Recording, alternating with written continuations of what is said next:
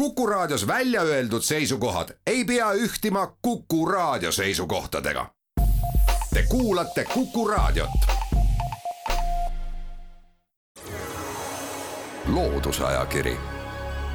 vaata ka looduseajakiri.ee tere, head reede õhtu jätku kõigile. me hakkame tänase saatega tutvustama teile ajakirja Eesti Loodus kolmandat, see on mai ja juunikuu numbrit selleks palusin saatesse külla ajakirja Eesti Loodus toimetaja Katre Palo. tere, Katre! tere! mina olen saatejuht Tiia Rööp. ajakirja numbri läbivaks teemaks on looduse taastamine ning esimeseks suureks põhiteema artikliks on Tartu Ülikooli taastamisökoloogia professor Avelina Helmi lugu Kahekümne esimene sajand peab olema looduse taastamise ja taastumise sajand. mis asi on looduse taastamine, millest me räägime, kui me räägime looduse taastamisest? kindlasti looduse taastamisega tuleb kohe võib-olla silme ette, et ahah, see on looduskaitse mm, -hmm, see on selline ammu teada asi, et, et meil on kaitsealad ja küllap see seal piires kõik käib. aga Kahe Aveliina on meie ette toonud siis sellise laiema vaate looduse taastamise vajalikkusest, et mis on see taust miks tänapäeval räägitakse üha rohkem looduse taastamise vajadusest kui ainult kaitsmise vajadusest ja kõigepealt siis ongi Avelina tutvustanud meile, miks me oleme jõudnud sellisesse seisu, et meil on vaja mitte ainult kaitsta, vaid ka taastada ja, ja seda looduse seisundit parandada laiemalt. minule jäi sellest äh, loost silma see, et me räägime sellest, et et niitusid tuleb taastada, et märgalasid tuleb taastada, veekogude looduslikku seisundit tuleb taastada, aga Aveliina Helm tõstab esile ka seda, et loodus on ka linnas ning ka linnaloodust tuleb, linnaloodusega tuleb tegeleda ja siin saab võtta igaüks meist osa. siin on tegemist igaühe looduskaitsega jaa, ja see looduse taastamine ongi selline väga kompleksne, väga laialt äh, haarav äh, valdkond, et äh, linnas me saame vähendada neid ohte, tuua seda loodust rohkem tagasi, et loodus saaks toimida ja, ja neid asju, tegevusi saab ka linnas äh, ette võtta, mitte ainult ütleme linnast väljas ja maapiirkonnas, et siinsamas linnas kas või need väiksed rohealad, mm, väiksed märgalad, kõik sellised ähm, kohad, mis looduse mitmekesisust aitavad äh, siis taastada või, või sellele kaasa, jah. kui me nüüd lehitseme edasi ajakirja Eesti Loodus kolmandat numbrit, siis me leiame siit infograafika. kahel leheküljel on välja toodud see, kui palju on Eestis vooluveekogudel paise ja kuidas reeglipäraselt sellised paisud mida on tuhatkond Eestis, kuidas need on rajatud just nimelt sellistele jõgedele, sellistesse piirkondadesse, mis oleks kaladele väga head ja on selge, et me kõiki neid paise, kõiki neid tuhandet me lõhkuma ei hakka, kuidas lahendada see probleem? et ähm, kalad saaksid tagasi oma kudemisaladele.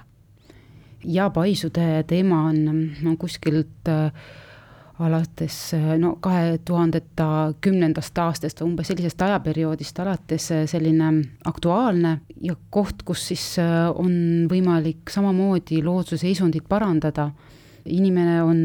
veeelustikku väga palju mõjutanud sellega, et on rajanud paisud,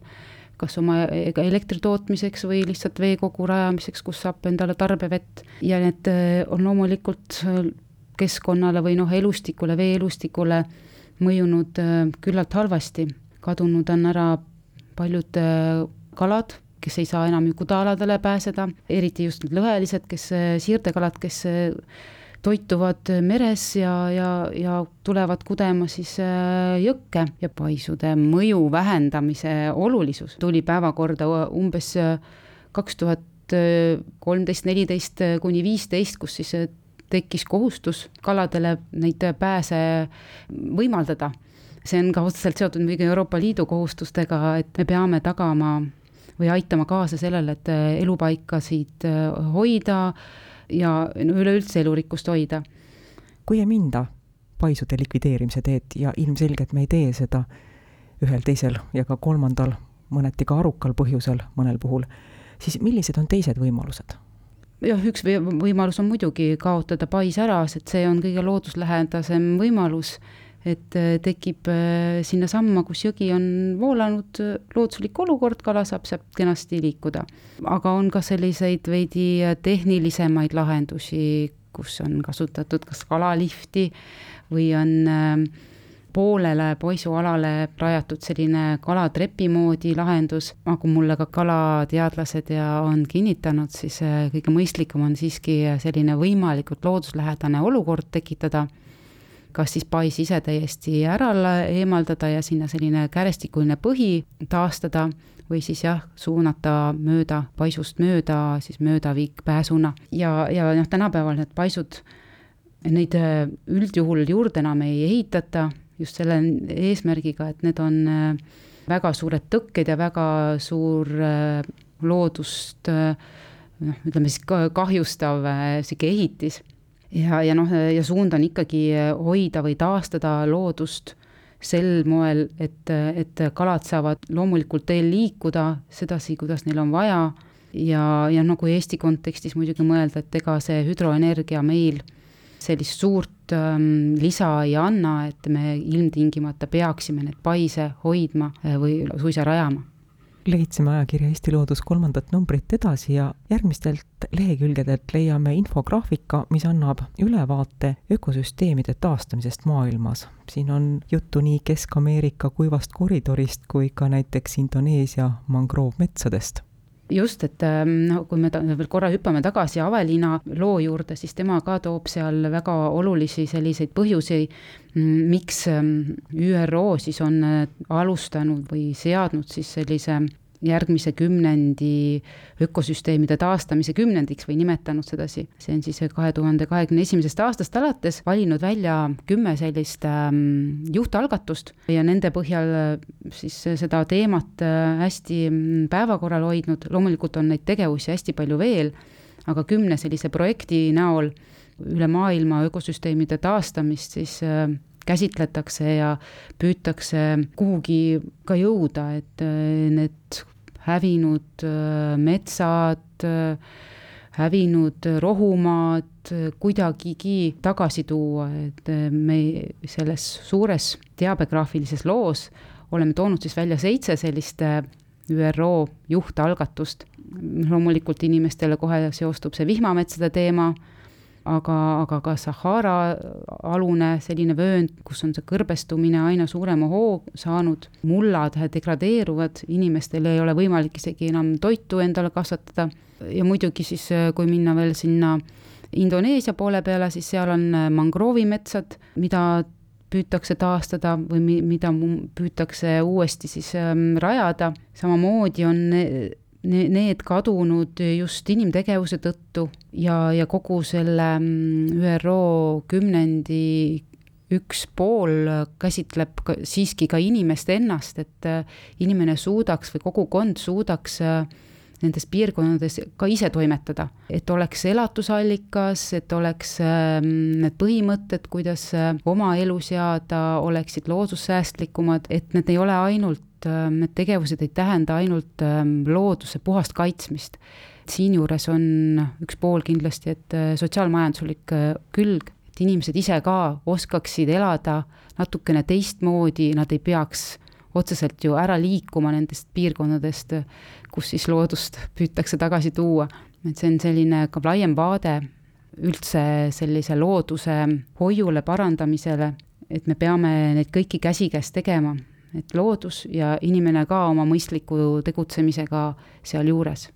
liigume ajakirja Eesti Loodus kolmanda numbri tutvustamisega edasi. Toomas Kukk kirjutab puisniitude taastamise kividest ja kändudest. vaatame, vast mõnda järgmisesse Loodusajakirja saatesse tuleb Toomas külla ja räägib, millised need kivid ja kännud on, mis on puisniitude taastamise teel olnud. aga üks hästi huvitav lugu, millel tahaks kindlasti peatuda, see on soode taastamine kui praeguse sajandi maaparandus, selle loo on kirja pannud rakendusgeoloog Margo Kohv ja Piret Pungaskohv, kes on inimgeograaf ja mulle tundub, et sellest sellest, miks on soid vaja taastada, kui olulised on sood süsiniku sidujana, seda on räägitud ja vast on ka kõrvu jäänud, aga hoopis vähem on teadvustatud seda, et sood on ka põllumehe kaudsed abilised. kuigi Eestimaal vist on kogu aeg nii olnud, et sood on põllumehe põlised vaenlased olnud. kliima muutub, meie vee ökosüsteemid saavad kannatada ja, ja kui me selliseid äh, soid hoiame ja märgalasid hoiame, siis me saame kuidagigi looduslike vahenditega aidata näiteks kaasa sellele, et me püüame seda süsinikku, mida me oleme kõvasti oma tegevusega, inimtegevusega atmosfääri paisanud, siduda rohkem loodusesse, hoida sealt rohkem kinni ja sood on üks äh, ökosüsteem, mis seda meil aitab teha. Ja märgalad samamoodi. Ja, ja soo, soode taastamise puhul äh, on üks pool äh, kunagi kuivendatud soode siis äh, veerežiimi taastamine ja teine pool on muidugi jääksood, mis on põhimõtteliselt ilma taimestikuta ja tohutult paiskavad sinna kunagi talletunud süsinikku. Jääksoode taastamine on võib-olla inimestele rohkem arusaadavam et miks on vaja seal seda veerežiim tagasi tuua, miks on vaja taimestikku sinna tagasi tuua ja seda soo sellist hinge sinna pare-, rohkem äh, tekitada, aga need omal ajal kuivendatud tohutud alad so, soid, miks, et me saaksime põlluks neid äh, teha ja mets oleks äh, tootlikum, et see pool on võib-olla inimestele natukene arusaamatu või, või seda leppimist on siin vähem me ju tahaksime ju metsast metsa saada, et, et sealt kasvaksid tugevad puud, mitte olla selline lodu, lodumärg. Ja, ja samamoodi põllumaa tahaks ju viljakat mulda ära kasutada ja selleks oleks hea, kui see oleks äh, ära kuivendatud, aga, aga need alad on need, mis aitaksid meil sellise süsinikubilansi või selle sidumise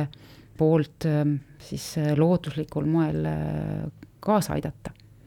Meie saateaeg ei luba kõikidel artiklitel peatuda, mis on mahtunud ajakirja Eesti Loodus kolmanda numbri kaante vahel, aga kindlasti tahaks rääkida sellest, mida Martin Tikk kirjutab rubriigis Tegutse teadlikult. kuna on kevadine aeg ja kõigil aiaomanikel näpud sügelevad ja Martin kirjutab sellest, et aeda tuleb pidada võõrliigi teadlikult ja me oleme äh, selle koroonaaegse järelmõjuga kindlasti väga paljud on avastanud selle aianduse põnevaid sorte, taimi, mida kõike veel tahaks ja silma jääb. paraku peame seda ka seda huvi võib-olla natukene ohjama, et selle teadmisega, et see aiandus on väga suur võõrliike sisse toov sektor ja ikka hoolega tasub äh, mõelda, kui mingi väga võõrapärane ilu, eriti ilutaim silma jääb, et ahah, ma tahaks seda väga enda aeda, et on olemas sellised andmebaasid, kus saab lausa kontrollida, et kas see on meil või meie naaberriikides kuidagi invasiivseks või selliseks agressiivseks liigiks tunnistatud või peetud, et siis maksaks kindlasti pigem hoiduda, pigem äh, jätta see taim siis poodi või et mitte ise sellele kaasa aidata, sellele levikule. Et minu meelest on väga hea näide on see Sosnovski karuputk, mis omal ajal oli ka, tekitas sellist ähm, põnevust, et ta oli suur, dekoratiivne, mesilastele ka hea, hea selline meekogumistaim et mi-, mis temast nüüd tänapäeval on saanud, et, et meie jaoks täielik nuhtlus, lausa kardame seda, sest et ta põletab, ta levib, ta tundub päris õudne taim, kui kaugelt no vaatad, et ahah, juba läheneb minu majale et äh, siis tekitab päris äh, hirmu küll. teine hea näide on äh, verev lemmats, mis väga hoogsalt vallutab maid Eestis, et ähm, sellega on ka hakatud selle tõrjega tegelema. Et jah, tõesti, nad saavad tihtipeale alguse aiandusest või põllundusest, need liigid, taimeliigid ja ka muidugi igasugused kahjurid. Jah, ja tea, ja Hispaania teedigu on ju ka väga hea näide, et eh, kuidas eh, me kaotame võib-olla kontrolli sellega, kui me tahame väga tuua uusi eksootilisi liike, aga me ei suuda nendega kaasnevaid mõjusid või, või tagajärgi enam ohjeldada suur tänu, Katrin Palo, et tulid saatesse külla ja andsid ülevaate, millest saab lugeda ajakirja Eesti Loodus värskest numbrist. me ei jõudnud kõikidel teemadel peatuda, nii näiteks me ei rääkinud sellest, et et ähm, Eesti Looduse peatoimetaja Toomas Kukk on üles kirjutanud rahvuslooma ümarlaua vestlusringi. selles vestlusringis meenutati, kuidas hunt valiti rahvusloomaks. laulukirjanik Aapo Ilves on pannud kirja sada rida loodusest säästliku eluviisi propageerijana tuntud Priit-Kalev Parts kirjutab inimsõnniku kompostimisest